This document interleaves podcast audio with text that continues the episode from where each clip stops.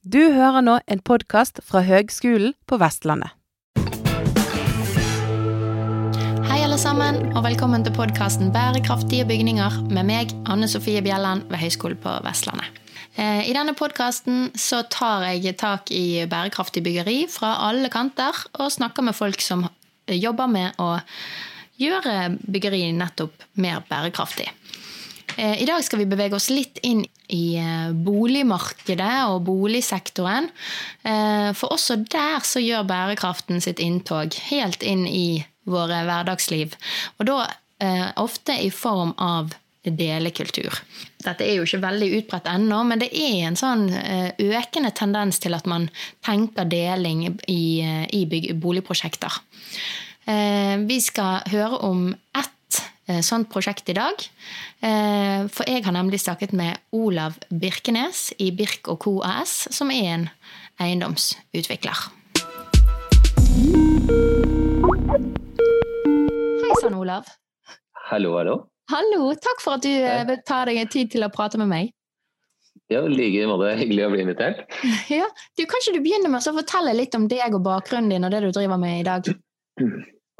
Ja, eh, bakgrunnen min Jeg er jo eh, økonom av eh, utdannelse. Eh, men er liksom alt mulig person. Eh, hva skal jeg si? Har holdt på med litt av hvert. alt fra å bygge hus og så videre. Og prosjektleder, da, vel å merke. Eh, og så holder jeg litt på med På fritiden så er det sånn kaffe og bakeri som jeg også er involvert i. Så jeg driver med alt som er gøy. Ja, det er egentlig det gøy. som er, er, målet mitt her i livet. Ja, det hørtes veldig gøy ut. Mm.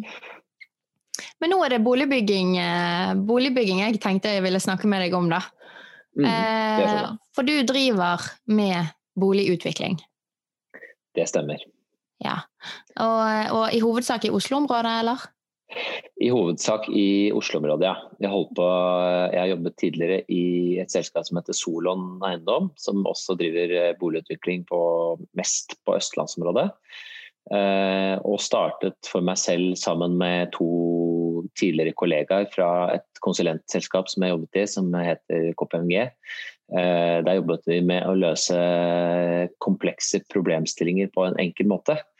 Eh, og det er egentlig det vi har tatt med oss videre inn i denne bransjen her. Så nå har vi, vi startet egentlig med småhusbebyggelse, eh, type eplehageutvikling.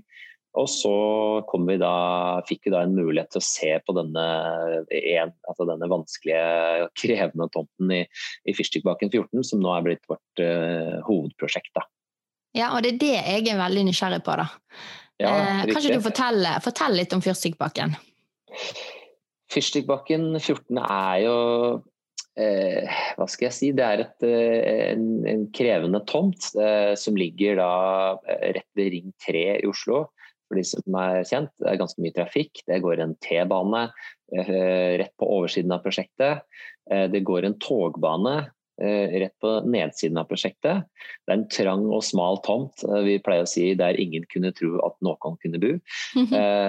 og så har vi da jobbet med dette prosjektet i fire år for å prøve å skape en destinasjon, et banebrytende prosjekt både på miljø og boformer eh, og måte å, å, drive boligutvikling på, rett og slett. Da. Og det føler vi faktisk at vi har fått til her vi sitter eh, fire år senere.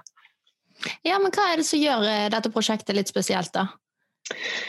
Det som gjør det spesielt, er vel eh, altså vi, vi, Først og fremst så er det jo det at det er et miljøprosjekt. Eh, det er et future-built-prosjekt, som er et samarbeidsprosjekt mellom Oslo, Asker, Bærum og Drammen kommune om å bygge egentlig 50 pilotprosjekter. Hvor man skal forsøke å redusere klimagassutslippene med 50% Og Det er det innenfor tre områder. Det er transport, i produksjon og i løpende drift. Så Det vil jo da si at vi må tenke på hva vi bygger med. Uh, I dette prosjektet så skal vi ha, bruke massivtre som hovedbyggemateriale. Eh, prosjektet må ligge rett i nærheten av kollektiv eh, knutepunkt. Det gjør det her. Det er 200-300 meter til T-banen. Og mm. ikke mer enn 300 meter til togstasjonen på Bryn. Um, og så er det jo da også det å se litt på fremtidens boformer. Hvordan, hvordan kan vi bo eh, i fremtiden som da eh, både handler om dette om miljø, men også det å dele med andre. At eh, kanskje fremtiden består av ikke så mye meg, meg og mitt, mitt, men litt mer vårt. og Det er det vi forsøker å liksom dyppe litt sånn tåa i vannet da, på, på det prosjektet her. Ja, Så spennende. Men hvordan, eh, hvordan dypper dere tåen? håper jeg? Altså, Hvilke konsept snakker vi her, da? Hvor, hvor mange boenheter er det? For, bare sånn at vi skjønner ja, størrelsen. Ja, det er jo bra. Dette er et eh, prosjekt med ca. 160 boenheter. Eh, og til eh, plan- og bygningsetaten så har vi jo sagt at vi skal bygge et sted mellom 130 og 160. Vi vet ikke helt, for det kommer litt an på hva folk vil ha. Men akkurat nå så ser det ut som vi ligger på rundt eh, 160. Men eh, til spørsmålet hvordan eh, dypper vi tåa i vannet, det er jo på flere måter. Men kanskje det mest åpenbare er at vi har innført noe vi kaller delemeter. Og det er rett og slett kvadratmeter man deler med andre. Uh, og, til forskjell fra fellesarealer, som man har i veldig mange prosjekter, så mener jeg at delmeter det er, det er noe med ekstra kvalitet. Det er primært innendørs, egentlig, sånn som vi har definert det. Og arealer som kunne vært privatisert.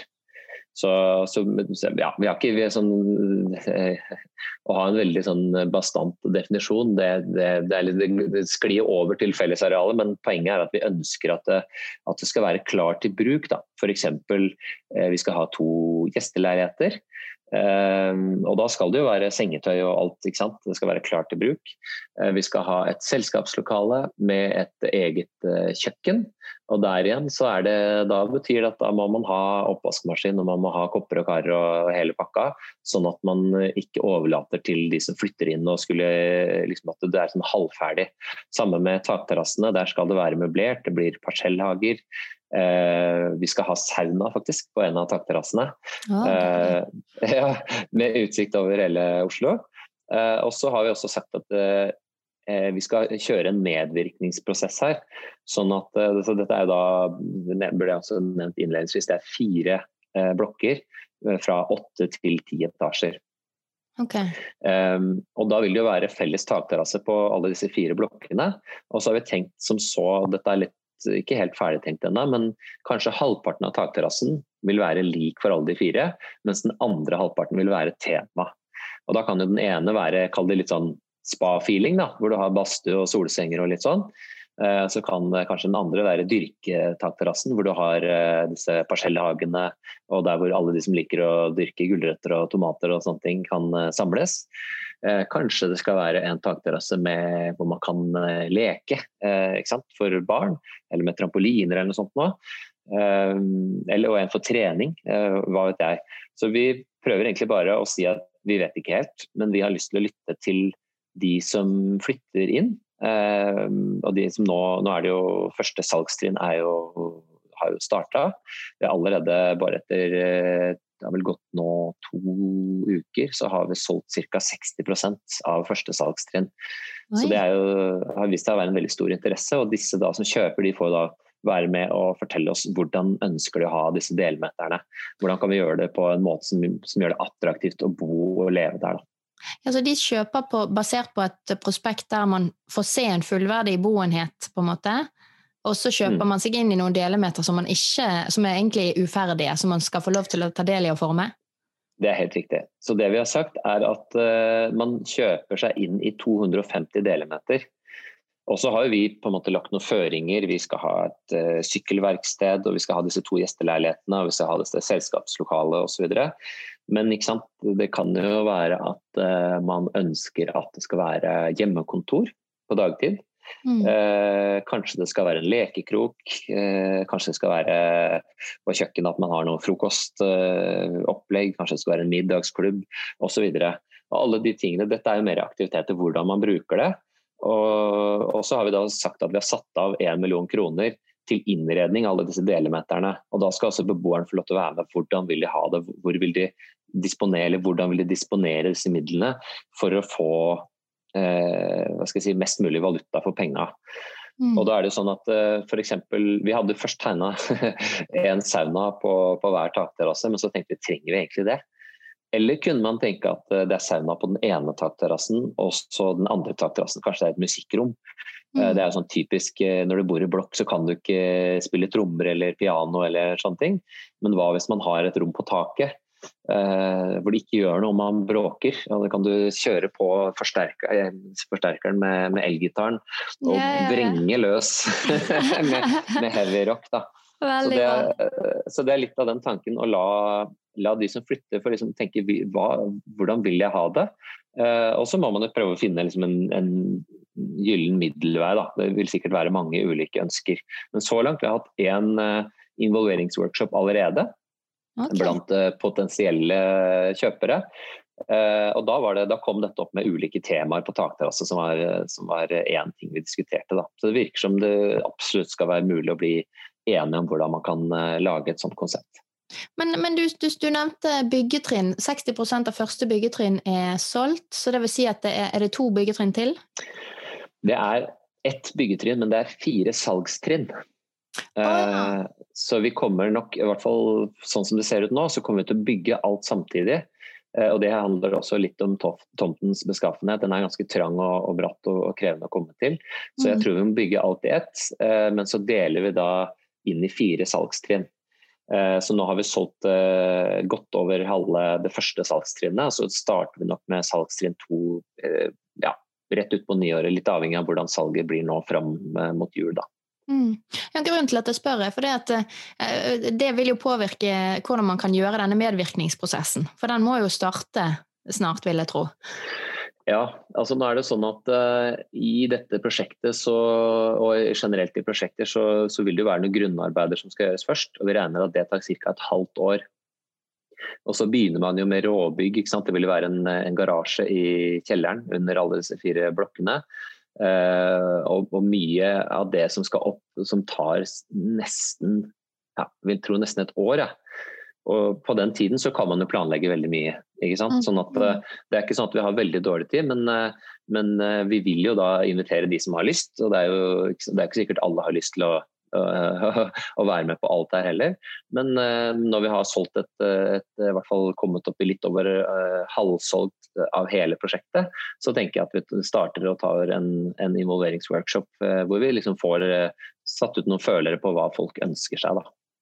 Ja, så dere, dere kjører en, altså involveringsworkshoper, og så basert på hva som egentlig får mest nikk og, og entusiasme på de, så vil dere ta en avgjørelse? Mm. Så spennende.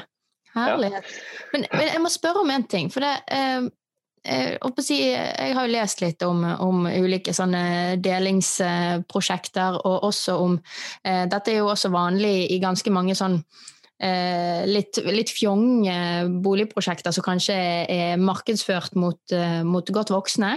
Som skal flytte mm. fra enebolig, da skal de ha store, liksom litt hotellaktige eh, attributter i boligprosjektet. Da. Men, men det som utbyggere veldig ofte sier, det er at, at eh, det blir vanskelig å få, få regnestykket til å gå opp og få dette til å svare seg økonomisk, rett og slett fordi at eh, selv om man gjerne sier ja takk til fellesarealer, så er man kanskje ikke villig til å betale så mye for det, og man forventer fortsatt den størrelsen og luftigheten i sin egen boenhet. Eh, mm. eh, opplever du det og, det, og, hvordan har dere som boligutvikler på en måte valgt å hive dere på eh, et sånt delekonsept? Godt spørsmål. Um, sånn som vi har tenkt, uh, og dette har vi diskutert veldig mye med alle mulige både arkitekter og, andre typer rådgivere. Um, vi tror det er viktig å fokusere på hva man får når man kommer inn i et sånt uh, prosjekt. Og så vil jeg egentlig Først og fremst så bør jeg si at i motsetning til f.eks. Selvåg pluss, som er et, eh, også et litt sånn kall det delemeterprosjekt. Og vi er jo ikke de eneste som har dette her. Eh, der er det med type resepsjonist og, litt sånne ting, mens vi har mer troa på selvbetjeningsløsninger. Altså at det er kodelås på dørene, du kan booke det via en app. At det ikke er så mye administrasjon, da, sånn at det blir sånn lavterskel, og at det ikke koster veldig mye å drifte. Um, men det vi har gjort her, er rett og slett å si at um, når du kjøper dette prosjektet, så får du 250 delmeter med på kjøpet. Uh, og det gjør vi rent praktisk, det er vi egentlig ganske åpne på. Vi tar opp, uh, altså Sameiet tar opp et lån, så da blir det fellesgjeld. Og det blir et eller annet sted mellom 50 og 100 000 per enhet eller noe sånt nå. Sånn i grove trekk. Ja, okay. og, og, og, det er rett og slett finansiering av disse delmeterne. Ja, så man så får ikke ja. Ikke sant? Så I praksis så, så, så, kjøper jo kunden det, ikke sant? og dette er jo, vi er helt åpne på det. Og, men, og, det er jo øh, faktisk sånn at man, Vi får på en måte ikke fullt betalt for disse delmeterne, men, men vi håper jo at øh, kundene ser det som et såpass verdifullt tilskudd at det gjør at de har lyst til å kjøpe. Så, så noe av kostnaden må vi ta sjøl. Um, og noe ligger da som en, som en felles gjeld. Um, og så opplever vi da, i hvert fall så langt, så virker det som, som, kundene tenker at yes, dette her er vi med på. Og Det som er også litt spesielt med den fellesgjelden, vanligvis så deler man jo den eh, etter antall kvadratmeter, men her sier vi at den deler vi helt likt. Så om du har en liten eller stor leilighet, så er det liksom det, Vi deler det likt. Vi føler at det er mest eh, sosialt. Eh, eller det kan du diskutere om de dyre burde, burde, eller de store leilighetene burde betalt mer osv. Men i hvert fall landa på et, egentlig et likhetsprinsipp. Og så er det opp til deg selv hvor mye du bruker disse delmeterne. Og vi kommer også i tillegg til, til eh, selskapslokalet og alle de tingene jeg har nevnt så langt, så blir det jo en, en elbilpool og det blir en elsykkelpool, sånn at du kan booke deg eh, tid til, eh, på, altså å leie en, en, elbil. Eh, og så er det litt morsomt også, for vi har, i og med at det er et miljøprosjekt, så har vi lite parkeringsplasser. Så det er vel bare ja, rundt 35 plasser på 160 leiligheter, som er veldig lite for Oslo å være, i hvert fall. Men vi jobber med å da se på parkeringsgarasjen som egentlig en kapasitet. Så hver gang noen tenker deg at eh, du booker deg en leiebil, så forteller du da dette smarte parkeringssystemet at nå blir en parkeringsplass ledig. Og da kan noen andre stå på den plassen. ikke sant? Da har du plass til eh, gjester som kan stå der i en periode, eller vareleveranser osv. Og det samme, så det vil heller ikke være mulig å kjøpe noen parkeringsplass i dette prosjektet, som også er ganske spesielt. Så da går vi glipp av masse inntekter, kan man tenke. Men det, det er også noe som, eh, som sameie eh, vil være de som kjøper alle disse eller har rett til å kjøpe plassene etter at det har gått en periode. og Da får man også inntekter fra, fra gjesteparkering eller, eller, fra beboere som ønsker å leie plass. Da. Mm. Og da er også tanken at så si at man har leid seg en, en fast plass, Eh, og Da blir det en fast virtuell plass, for det er ikke sikkert du står på samme sted hver gang. Nei. Men da vil det også være sånn at når du reiser på jobb, så kan du fortelle systemet at nå drar jeg på jobb og jeg kommer hjem klokka tre. Og da melder du plassen din ledig i systemet, så kan noen andre stå på din plass. Så det er, dette er ikke ferdigutvikla, men, eh, men, det er eh, flere tilbydere som, som, jobber med det. Og vi har sagt at vi skal ha den beste løsningen som finnes på markedet når disse boligkjøperne flytter inn. Da. Og Det samme har vi også sagt med, med delemeterne generelt. At vi skal ha den appen som, som, egner seg best for deling. Vi skal ikke utvikle noe selv, men vi skal jobbe med forskjellige utviklere og se, og så skal vi plukke det som er det beste for boligkjøperen. Så Det er utrolig spennende, og jeg tror dette her uh, gjør jo at man slipper å bygge så mange parkeringsplasser. ikke sant? Uh, og det samme med en annen idé som vi har i forhold til dette med vi skal ha en uh, verktøybod.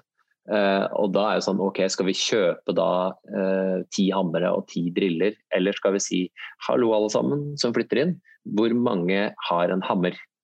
Og det har jo de fleste. Så, så hvis vi da kan få samla en, en del hammer, en del driller osv., så, så, så kan man etter hvert da også erfare det at jeg har noe og du har noe, og så setter vi dette sammen i et, en delingsverktøybod og så kan man da sjekke inn og sjekke ut hammer eller skrujern eller hva det måtte være. da. Som mm. også er en litt sånn kul greie, fordi at uh, da er det ikke sånn at man alltid må kjøpe noe nytt. Det, det handler om å dele på det man har. Og det samme kan man tenke på eh, sparkesykler for barn, akebrett. ikke sant? Det er så mm. mye, da, hvis man bare tenker litt sånn systematisk på det og tenker at jeg trenger ikke akebrettet mitt hele tiden. Og da vil jo barn også lære seg å dele. Så det også er en, en tanke som vi driver og forfølger litt, og se hvordan kan vi liksom skape noe kult og, og spennende ut av det her. da. Kjempespennende. Men bare for å summere opp, da vil det si altså at boligkjøper kjøper seg en leilighet eh, med en pris som tilsvarer det man kan forvente i det området for en leilighet av Mm. den størrelsen. Mm. Med på kjøpet får da boligkjøper en fellesgjeld, som Mm. månedlige kostnader, som gir tilgang til deleareal, Mm. elbilpark og elsykkelpark. Mm. Det høres jo ganske bra ut, dette her, da. ja, og en, en del av det er sauna på taket. Så det er, det er jo liksom Det er jo å finne de tingene som man ikke bruker hele tiden. Uh, og, og så kan det hende, i og med at vi har to gjesteleiligheter Mange tenker ja, jeg må ha et gjesterom når det kommer noen på besøk. Men hvis du da kan bare booke, da. Tenke at ja, ok, lørdag om tre uker, da får jeg besøk. Da booker jeg faktisk begge gjesteleilighetene, for jeg får storbesøk. Ikke sant? Og da kan du kanskje klare deg med å bo litt mindre. Og det er også en del av dette her. Eh, selv om vi har egentlig altså De minste leilighetene våre er kanskje på 36 kvadratmeter. Um, eh, og snittet ligger på sånn ja, mellom 65 og 70, tror jeg. Okay. Men, men vår påstand er egentlig at det, det bør være mulig å bygge mindre leiligheter så lenge du har gode delemeter. Mm. Eh, At du har gode deleløsninger og gode delefunksjoner. Sånn at man ikke trenger å ha det ekstra gjesterommet eller det ekstra arbeidsrommet eller hva det skulle være. Mm. Eh, Og det har jo ikke helt uh, alle forstått. Fordi det blir fort oppfatta som liksom ren kapitalisme, og, og det handler bare om å bygge små leiligheter fordi at man skal tjene mest mulig penger. Eh, Det er litt sånn misforstått, eh, sånn som jeg ser det. da. Jeg mener faktisk at det handler om miljø, eh, og det handler også om å få inn flere boligkjøpere. For Hvis man kan bygge litt mindre, men at man trekker ut no, en, liten- altså I dette prosjektet har vi da trukket ut ca. halvannen kvadratmeter fra hver leilighet og putta det inn i delmeter. Mm. Og da får den halvannen kvadraten den får så utrolig mye større verdi hvis man kan dele det, enn Mm. om du skal ha den ene halvannen kvadraten ekstra i din Mm. egen leilighet. da. Ja, Så jeg mener at dette her er måten å utvikle bolig på i fremtiden. Og vi er ikke de eneste, som sagt. Eh, Jeg syns det er veldig bra å se at flere og flere skjønner at eh, det med å dele er en del av fremtiden. Og det er sånn vi bør tenke når vi skal utvikle fremtidens eh, boliger. Mm. Men dere ser altså, jeg må bare spørre enda en gang, jeg, ba- dere ser altså at dette, her, er- dette skal dere klare å tjene penger på i tillegg? Når dere må utvikle eh, nærmest eh, sikkert apper for eh, parkeringsordninger og bookingsystemer for alt mulig rart? Ja, altså, øh, vi håper, må jeg si. Det er ikke åpenbart at dette tjener man mest penger på øh, akkurat nå. Eh, Det som er litt synd, er jo at øh, miljøprosjekter i Norge får ingen fordeler, så vidt jeg kan se. Altså, du kan søke noe tilskudd her og der, men det er liksom det er småtterier i forhold til hva et prosjekt koster å bygge. Vi har en elbilpolitikk i Norge hvor du får, Jeg er på min fjerde elbil, tror jeg. Hvor du får kjøre eh, nesten gratis gjennom bomringen. Du får parkere nesten gratis. Eh, du slipper moms, du slipper årsavgift, du får billigere forsikring osv. osv. Eh, og ikke minst, du får komme først i køen ved å kjøre kollektivfeltet. Eh, så, så har jeg spurt mange ganger hvor er kollektivfeltet for miljøboliger? Eh, hvorfor har vi ikke de samme incitamentene for miljøboliger som vi har for miljøbiler, da, hvis man kan kalle det det? Og den bransjen som, som vi er i, den står for 40% av verdens klimagassutslipp. Mm. Og, og ved å insentivere det å bygge grønt og tenke deling og, og smart, så kunne man virkelig bidratt til å redusere klimagassutslipp. Og kanskje man kan også med disse delmeterne bidra til å kurere den største folkesykdommen vi har, nemlig ensomhet. Mm. Så, så, men tilbake til spørsmålet ditt, om vi får til lønnsomhet. eh, Svaret på det er at vi, vi vet ikke helt enda. Um, vi håper og tror, og målet vårt er helt klart å få til tilsvarende lønnsomhet i dette prosjektet som et helt vanlig boligprosjekt. Uh, men vi skulle jo ønske at det hadde vært flere fordeler. Her blir det jo solceller på takterrassene som da gir energi til disse elbilene som står i garasjen f.eks. For fordi at vi må tenke et energikonsept som gjør at vi ikke bruker altfor mye energi. Men det vil jo også kreve investeringer. Og veldig mye med dette. Vi, prøver liksom i alle uh, kanter og bauger. Nye boformer. Vi har uh, jobba med noe som vi kaller mikroborettslag. Um, typisk at uh, man lager et lite borettslag inni en sameieseksjon. F.eks. hvis tre venner vil bo sammen, så kan mm. de kjøpe denne leiligheten, og da har de sitt eget lille borettslag. Og Fordelen med det er at da kan, man, da kan jo banken få sikkerhet i den ene delen av dette borettslaget. Men dessverre så er vi litt foran uh, lovgiverne, så vi har ikke lykkes uh, med det der ennå. Men, uh, men, vi gir jo ikke opp, og vi ser stadig på nye løsninger. Så det, jeg liksom tenker at Med dette prosjektet så, vi, så tråkker vi litt opp løypa, og så kommer det sikkert andre etter oss. Her må vi liksom ha alle gode krefter til som kan jobbe om dette miljøvennlig utvikling eh, bærekraftig også på dette med, med sosialt og deling og, og, og liksom dette med ensomhet. Og vi har jo også for noen år siden ble vi kjent for disse skilsmisseleilighetene. Jeg vet ikke om du har hørt om det, men det er også en del av, det er også en del av dette prosjektet her. da. Okay. Eh, og så har, vi, ja, så har vi vel sagt at uh, det, det, kommer da i ett av de to siste salgstrinnene. Um, og det handler rett og slett om at uh, to altså foreldrene kan bo sammen med barna sine selv om de er skilt. Uh, og det er da sant, masse skepsis og masse, masse, engasjement rundt det, men, men tanken er jo der at uh, man må være ferdig å krangle. Og at man ønsker hverandre og barnet det beste. Jeg er sjøl i en, en sånn uh, situasjon og har en datter som veldig gjerne kunne tenke seg å bo i en skilsmisseleilighet, for da slipper hun å savne mamma og pappa så mye i de ukene hun ikke er uh, hos, hos, den eh, andre, på en måte. Mm. Um, men så har vi også tenkt at det er ikke sikkert skilsmisseleilighet er, er, det rette begrepet, så jeg tror nok det blir tvillingleilighet. Yeah. Fordi det blir to ganske like leiligheter på hver sin side, og så blir det noe felles i midten. Mm. Uh, og det Vi har sett, vi har hatt en del fokusgrupper og, og liksom sjekka vil folk ha dette. Uh, og Det vi så der var at uh, det felles i midten det kan være barna, men det kan også være fellesskapet. Mm. F.eks. det var en, en dame på ja, hun er vel 75 nå, som heter Eva, som ringte meg da hun leste om disse skilsmisseleilighetene. Og sa nå er ikke jeg noe skilsmissebarn, men jeg har en søster som er to år yngre enn meg, og vi vil gjerne bo sammen på våre eldre dager. Mm. Og da er det sånn at da må vi få plass til spisebordet vårt og to godstoler og en TV. Så var de happy, da. Mm.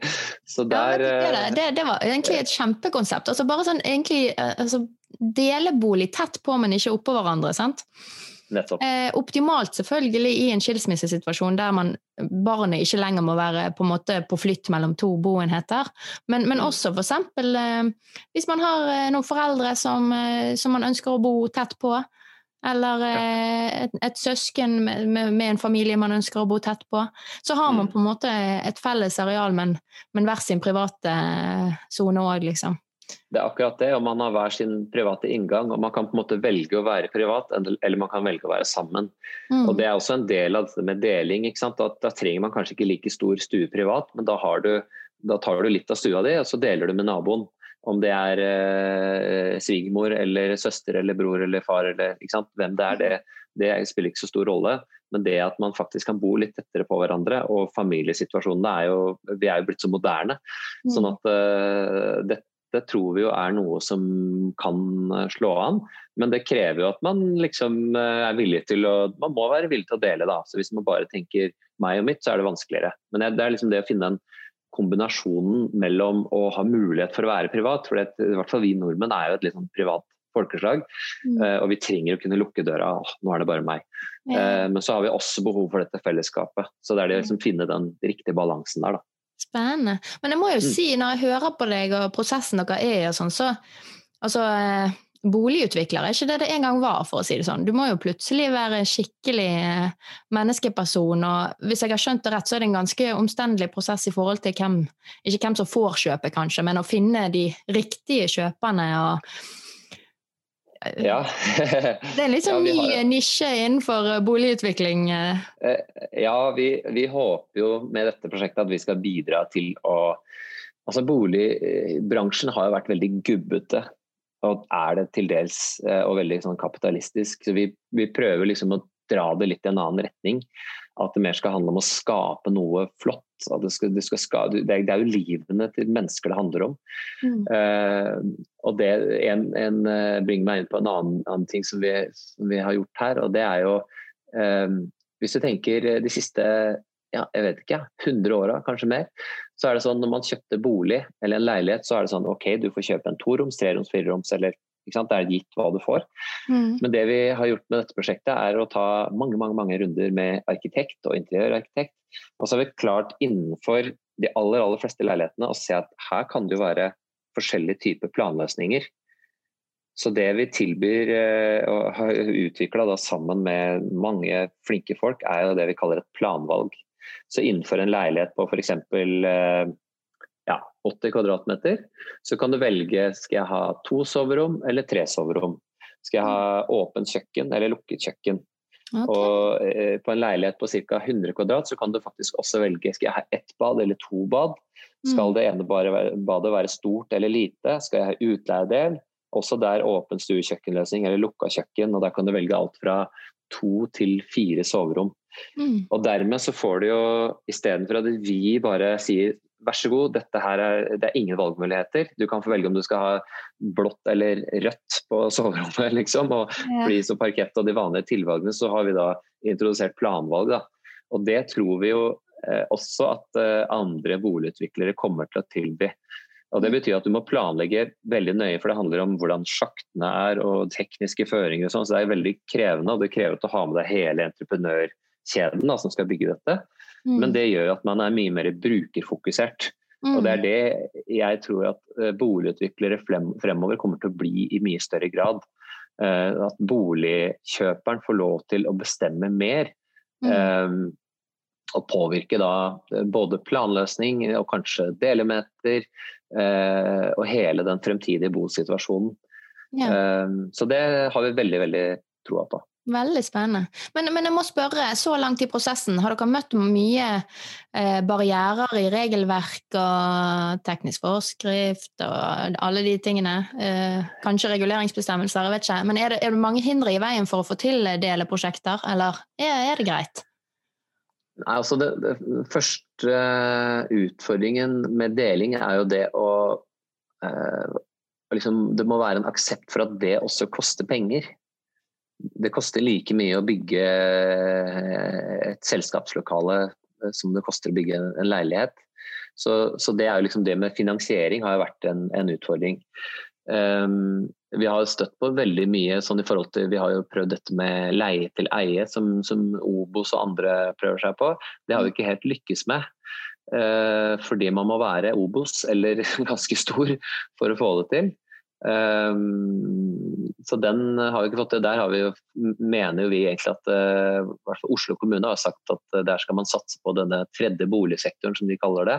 Mm. Hvor man skal tilby leiligheter til uh, folk som, som, som, har større vanskeligheter for å komme inn på boligmarkedet. Det kan være unge i nyetableringsfasen f.eks. Mm. Uh, og da mener vi at kommunen burde jo sitte som eier i en leie-til-eie-situasjon. Si at jeg, eller du skal kjøpe en leilighet, og så kjøper du 50% og så leier du den siste 50% Og Hvis da kommunen kan være den siste 50 så har du på en måte en trygg eh, utleier. da.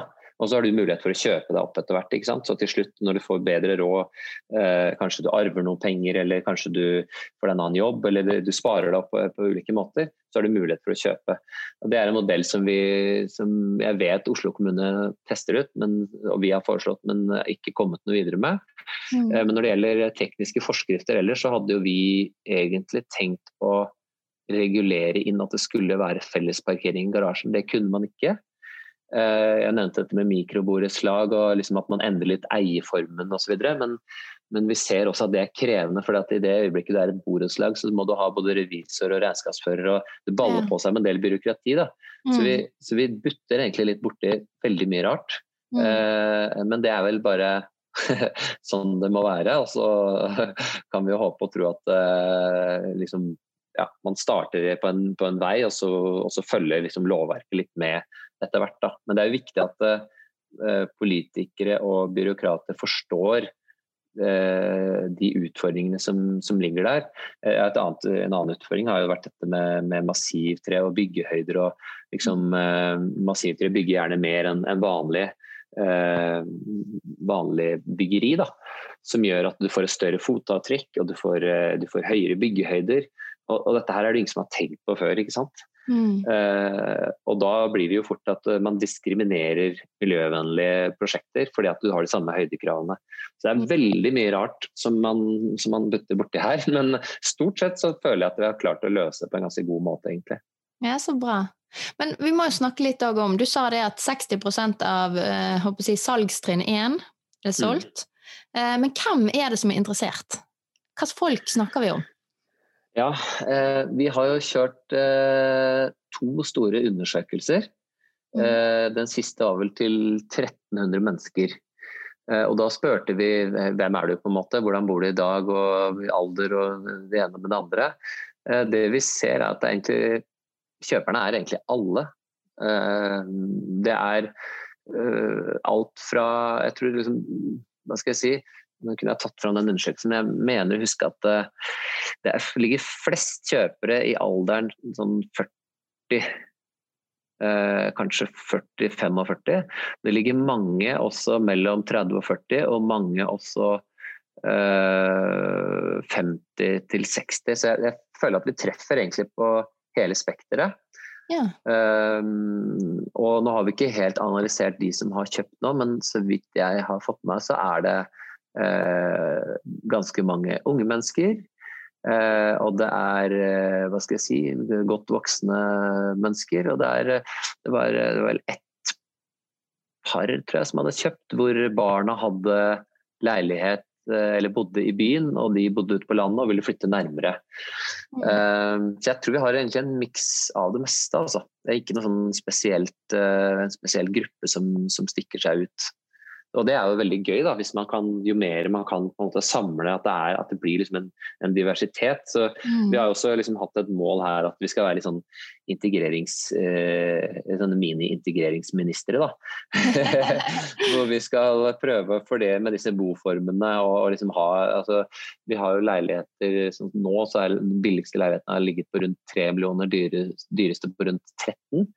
Og så mm. vet jeg at det ligger veldig mange under tre millioner, og der kommer vi til disse venneleilighetene og av, og, de greiene der. Da. Men mm. målet vårt er jo å prøve liksom å eh, som boligutvikler da, å bidra til å skape et litt sånn minisamfunn. At ikke det ikke bare er de eldre eller bare de unge. Uh, for det tror vi er rett og slett helt feil. Altså. Ja. Og da gjelder det, ikke sant? Ikke sant? Da, da, kan man jo tenke sånn at kanskje en takterrasse skal være en stille takterrasse. Mm. Uh, og kanskje en annen takterrasse skal være bråketakterrasse. Ja.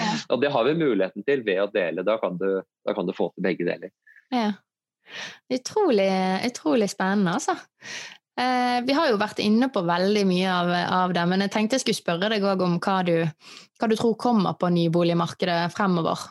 Men, men, du har jo egentlig sagt det, at du regner med at deling det er kommet for å Eller det har jo egentlig ikke kommet ordentlig ennå, men det kommer. Og det kommer til å bli mye mer av det?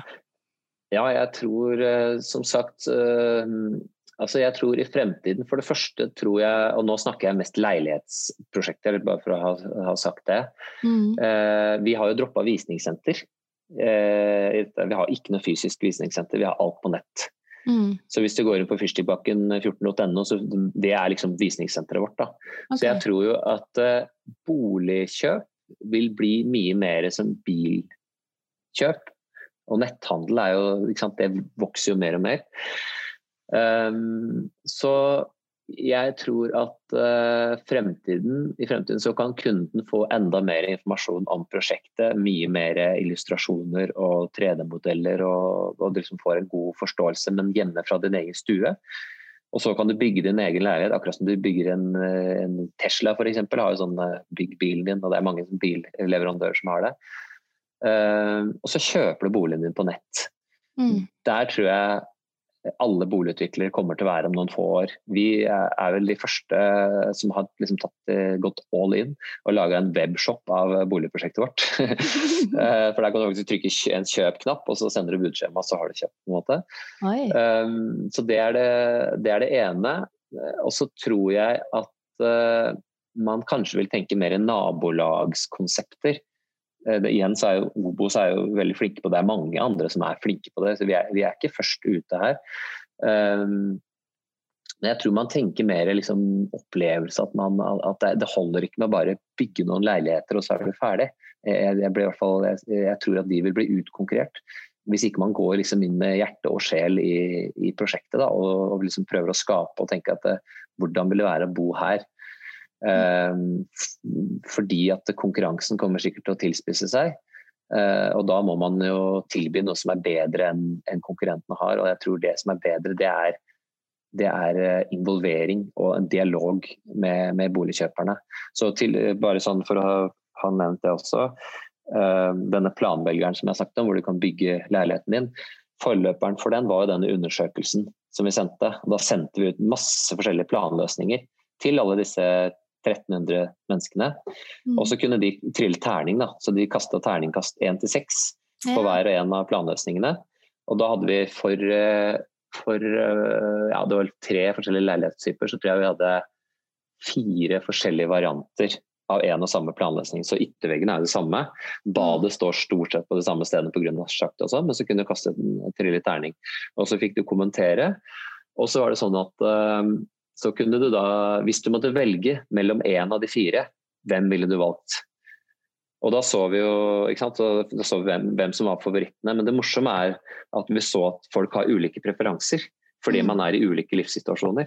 Mm. Og det var derfor vi tenkte ja, men da må vi jo tilby alt, da.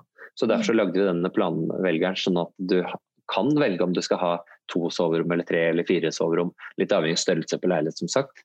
Og vi har mm. også en leilighet med, med skyvevegger og en seng som kan foldes opp eh, mot veggen. Og dermed så kan jo soverommet ditt bli eh, en stue. Og Det også er en trend som jeg tror vil, det bli, vil bli mer av. Eh, at du kan, gjerne kan bygge litt mindre leiligheter, men du har smartere løsninger. Altså Hvor ofte er det på soverommet ditt i løpet av dagen? På en måte. Du vil gjerne ha det kaldt der, så er, man må liksom ivareta noen sånne ting. Men det er, eh, det er mange muligheter da, med litt sånn smartere løsninger. Så Det er også noe som vi har, har sett en del på. Vi tror det kommer mer av. Men der også er det sånn at det er ingen som har gjort det. Nei, nei. Så, så, vi fikk tilbud på en skivevegg her fra en leverandør. Ja, det koster 200 000 per enhet. Og Da er det jo bare å glemme det. Ja. Eller så er det å si nei, nei, nei, det koster ikke 200 000 per enhet, det må gå an å få dette billigere. Og Da må vi jobbe med flere leverandører, så må vi rett og slett skape noe nytt. Og, og det er et marked der. Så Vi mm. har en, en, video som har gått litt sånn på Facebook og fått masse likes, og folk som spør hvor kan jeg kjøpe dette. Så, så markedet er der, men så må, så må da vi som boligutviklere og, og, alle de som lager ting til hjem, da, de må forstå eh, at vi må møte dette markedet ved å tilby produkter som folk vil ha. Og Da er det noen utfordringer som kan handle om lyd, eller som kan handle om eh, tekniske krav osv. Hvordan kan vi tilpasse produktet vårt. Så, mm. så, ja, så, vi prøver å drive det litt i den retningen, og, og, og opplever at flere er i ferd med å våkne da, og, og skjønner at det, her må vi bare henge oss med.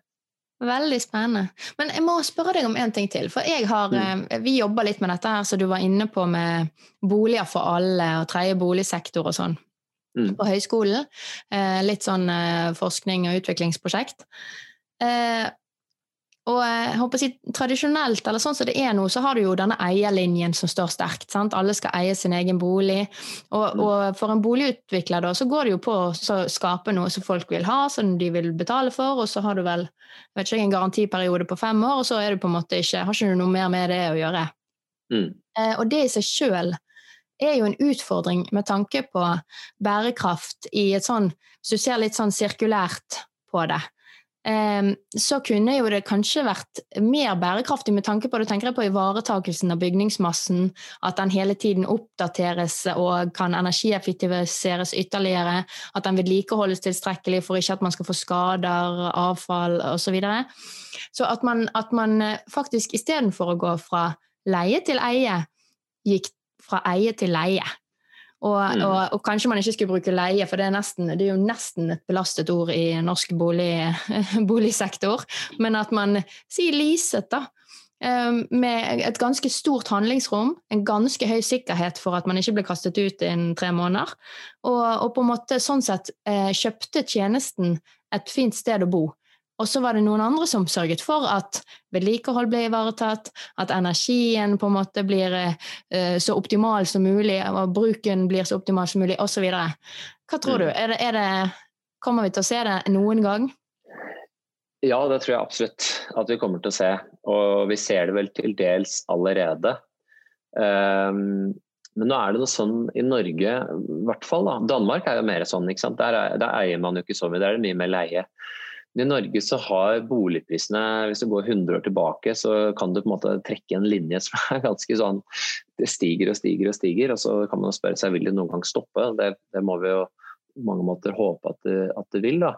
Men det, det, jeg tror en god del år til i Norge så tror jeg at fortsatt eh, det vil være så lukrativt å eie Uh, og Det handler jo litt om at du får fradrag på skatten for gjeldsrenter. Mm. Så Det er noe med skattesystem. Ja. Uh, og så er det noe med at uh, boligprisene bare har hatt en tendens til å stige. så Derfor, ved å være, liksom, bli en bolig, liten boligaktør og, og, kjøpe og selge, så kan du liksom tjene til livets opphold rett og slett på den måten. Ja. Men når det er sagt, så, så tror jeg at eie til leie tror jeg kommer til å skje særlig for de eldre. Ja. Fordi at der sitter man gjerne med et stort hus, eller man sitter med en leilighet. Man, eh, blir, alt blir for stort. Hvis man har hatt barn, så ja, det var fint så lenge man hadde barn. Og, og, men etter hvert så blir det litt tungt å holde dette her. Mm. Og da kan det hende, og det har vi også faktisk, vi hadde en 70 år gammel dame på besøk hos oss for uh, ca. et års tid siden. Hun ville gå uh, fra eie til leie. Hun ville selge leiligheten sin, sånn at hun kunne gi noe penger til uh, datteren sin, som mm. trengte pengene. Mm. Og så kunne hun heller uh, leie. Og, og, og liksom du, Det er ikke sikkert du trenger å altså Det er noe med skal du, skal du måtte dø for å kunne dele til barna dine, eller kan du gjøre det på et tidligere tidspunkt. Mm. Så jeg, jeg, tror jo at der, eh, både fordi at man ønsker å dele ut noe videre, men også fordi at man kanskje er mer alene når man blir eldre. Venner eh, dør fra, ikke sant. Eh, og familie, eller i hvert fall ektefelle osv. Mm. Eh, og det å ha da bokonsepter som ikke er liksom gamlehjem. Mm. Gamlehjem kan sikkert være flott, det også. Men jeg tror jo vi har jo en relativt rik befolkning. Og hvis du kan selge huset ditt og bo i et sånt leiekonsept, da, hvor du får mye mer. Du får det sosiale livet. Ikke at det trenger å være luksus, men at du er ivaretatt. Mm. Og det kan jo også faktisk være, Vi har også tenkt på det, men vi har ikke forfulgt den helt. Altså en type, eh, et større vennekollektiv for, eh, for eldre. da. Mm. Eh, si at du har da fire-fem små, relativt små leiligheter på én etasje.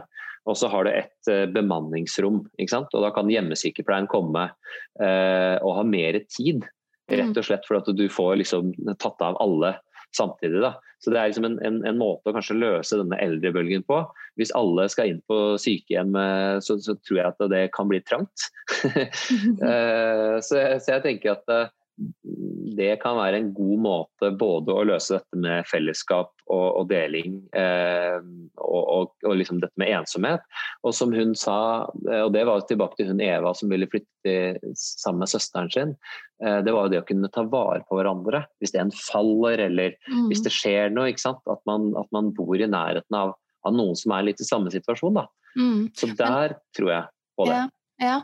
ja, men det er der jeg mener at, eh, at eh, altså, Sånn som hun som du skisserte nå, sant? Som, som vil selge eneboligen sin og trø inn i en, en leieordning eller inn på leiemarkedet. Da, mm. da, opplever i hvert fall jeg, sånn som jeg ser eh, leiemarkedet i dag, og det er det jo også bekreftet mye i litteraturen, at norsk leiemarked det er tilnærmet uregulert, og det er et ganske sånn utrygt marked som, som, man kanskje helst ikke vil være på. Og det er mm. der jeg tenker at boligutviklere i fremtiden kan sikre en, en, en, en ny, egentlig et nytt type leiemarked. Sant? Der man mm. har en langsiktighet og trygghet, man har en råderett som er tydelig definert, og som sikrer at du ikke får de dårligste boligene i hele landet, sant? sånn som mm. tilfellet faktisk er i dag. Og, og, på en måte, ja, det er et reelt alternativ som man kan faktisk foretrekke fremfor å eie. For sånn er mm. ikke leiemarkedet i dag. Så der tenker jeg eh, at eh, boligutviklere kanskje kan tenke nye eh, markedsmodeller, på en måte. Ja, jeg er enig. Og jeg tror jo Jeg tror jo at det nok først må komme med de store. Vi er jo en veldig liten aktør oppi dette her. Og, og, det å sitte på 160 leiligheter, det koster jo forferdelig mye. ikke sant? Da må du ha finansiering. Det blir en kapitalbinding da, som er ekstremt høy. Mm. Uh, så vi har jo vurdert det, men for oss så, så, så, ser vi at det er ikke mulig. Uh, men, uh, men Selvåg har jo muligheten til dette. Eh, Obos har muligheten til dette, Skanska har sikkert mulighetene. muligheten. Det er mange av de store aktørene som vil ha mulighet, og som til dels også prøver seg på det, sånn som jeg forstår det. Men det er liksom modning. I Norge så er vi veldig eiersyke. Ja, så det er, det er, litt sånn det er. Så det, det krever litt sånn holdningsendring. Men, men, kanskje den kan starte med de eldre. Eh, at det er mange gode grunner der. Og så etter hvert så, så, tror jeg at dette vil smitte litt over, da. Men, eh, men, eh, det er i hvert fall noe med å Sånn som det er nå, så bygges det for lite, og derfor så blir alt så veldig dyrt. Så vi må ha, liksom, vi må ha et litt mer sånn, det velfungerende marked, da, som ikke, hvor ikke det vokser og vokser og vokser. For da vil det alltid være mest lønnsomt å kjøpe noe, og så mm. selger du det ti år etterpå, og så du, har du liksom pensjonen din der, på en måte. Mm. Så vi må i så fall uh, få til en endring der hvis vi skal lykkes med en sånn modell, tror jeg. Absolutt. Men du, vi nærmer oss, eh, vi nærmer oss slutten, Olav. Vi har pratet lenge. Ja. Men jeg, ja, jeg stiller deg ett siste spørsmål, og det er Jeg underviser jo på byggingeniørutdanningen på Høgskolen mm. på Vestlandet. Har du noen gode tips til de som skal bli byggingeniører og ut og forme morgendagens både byggebransje og boligbransje? Åh, mange tips, men uh, hvordan kan jeg oppsummere? Nei, altså, for det første så er det jo ikke ta for gitt at alt det som uh, Når man kommer ut i arbeidslivet, så er ja, sånn gjør vi det her. Uh, det må man sikkert akseptere i sånn, de fem, kanskje ti første åra. men, men start tidlig med å spørre hvorfor er det sånn? Mm. Fordi at uh, veldig mye av uh, Og det ser vi særlig i entreprenørmarkedet. At nei, men det har vi gjort, sånn har vi alltid gjort det. Så derfor mm. skal vi gjøre det sånn i 100 år til.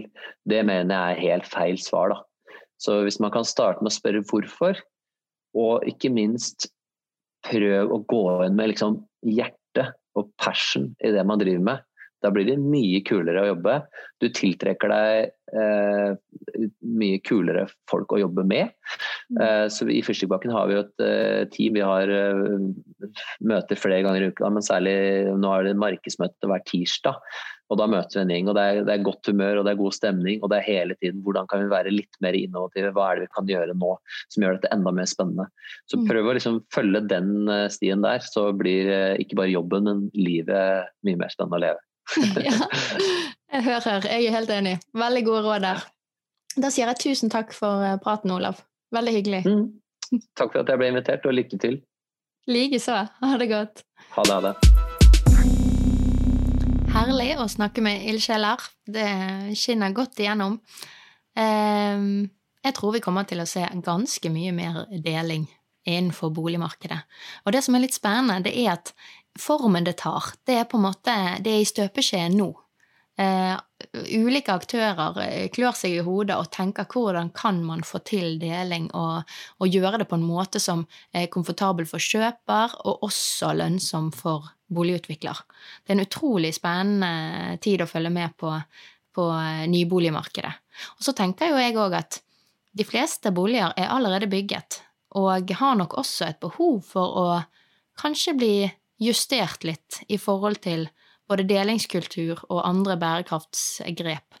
Så det er jo også et sånn litt sånn urørt eh, marked for eh, eiendoms- eller boligutviklere, da.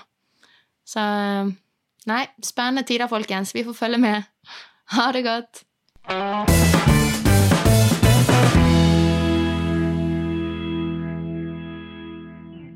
Du har nå hørt en podkast fra Høgskolen på Vestlandet. Du kan høre flere podkaster fra oss ved å gå inn på nettsiden hvl.no. slash podkast.